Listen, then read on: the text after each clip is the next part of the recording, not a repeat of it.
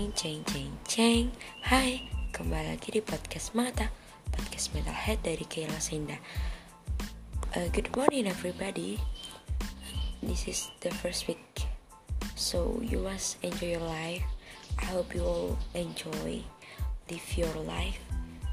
Um, It mean not for yourself to be a lazy people Just have a productive day, okay? In this morning I wanna uh, talk about characteristics in psychology. Uh, what do you think if you the first time hear characters? Karakteristik itu sifat batin yang mempengaruhi seluruh pikiran, perilaku, budi pekerti dan tabiat yang dimiliki manusia. Tentunya sifat ini itu bakalan melekat pada manusia dari dia hidup sampai dia lahir eh maksudnya sampai dia mati. Astaga aku nggak fokus banget ya guys. Aku mau minum dulu guys. Oke kita lanjutin lagi.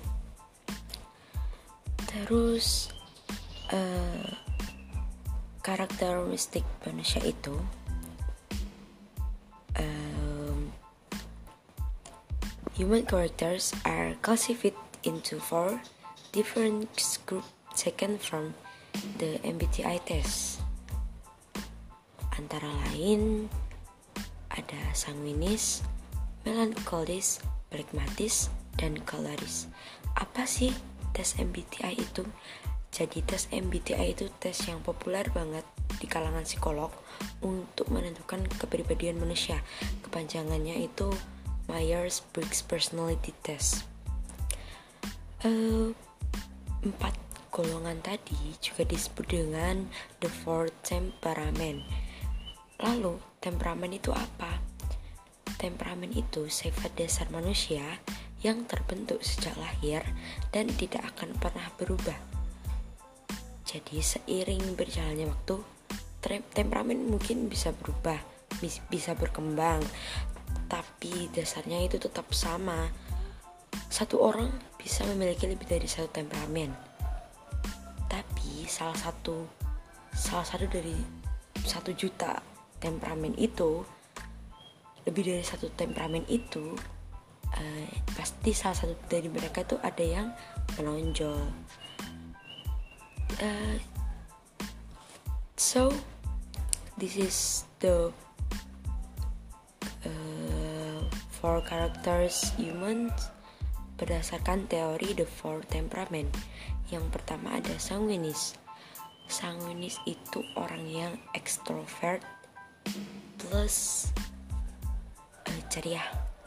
Jadi ciri-ciri orang yang sanguinis punya kepribadian sanguinis itu misal suka uh, pergi keluar uh, open minded suka bergaul dia memiliki energi dia mengisi energi dengan ketemu sama orang. Uh, terus optimis punya selera humor yang baik ekspresif. Jadi dia nggak ragu untuk menyatakan rasa sayangnya ke orang lain. Kompetitif dan masih banyak lagi. Yang kedua ada melankolis. Uh, melankolis ini orangnya udah sedih introvert terus lebih berkaitan sama hal-hal yang berbau depresi. Tapi tipe temperamen itu eh tipe iya tipe temperamen melankolis itu sangat hati-hati. Jadi dia tuh kayak kalau misal job dia itu bisa ngambil job seorang bos. Jadi bos itu seorang bos itu harus benar-benar hati-hati. Supaya apa? Supaya tidak ada kesalahan dalam perusahaannya.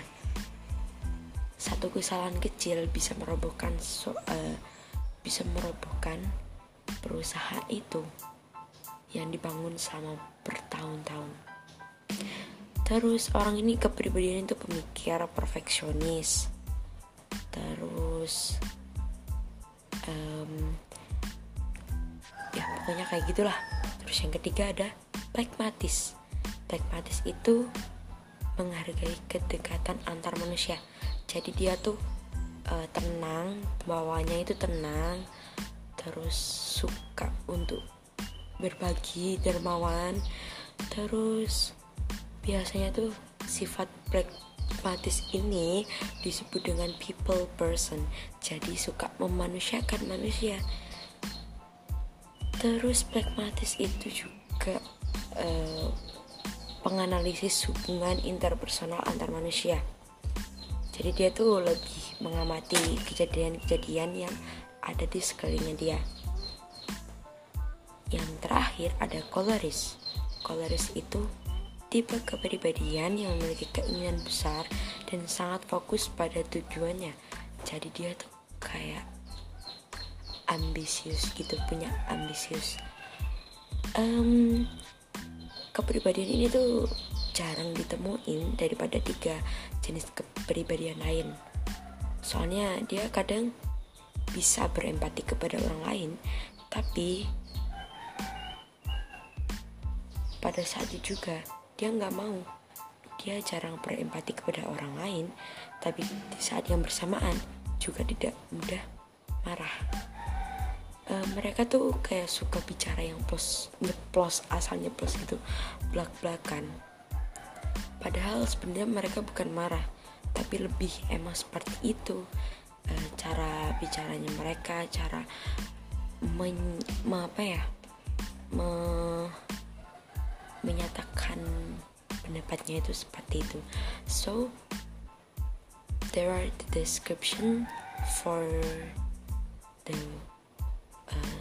body characteristic terus empat kepribadian manusia empat golongan kepribadian manusia sebenarnya kalau kita mau mengetahui kepribadian kita kita harus tanya sama diri kita sendiri ya kan kembali ke diri kita sendiri dan kalau mau, kalian bisa searching tes MBTI kepribadian.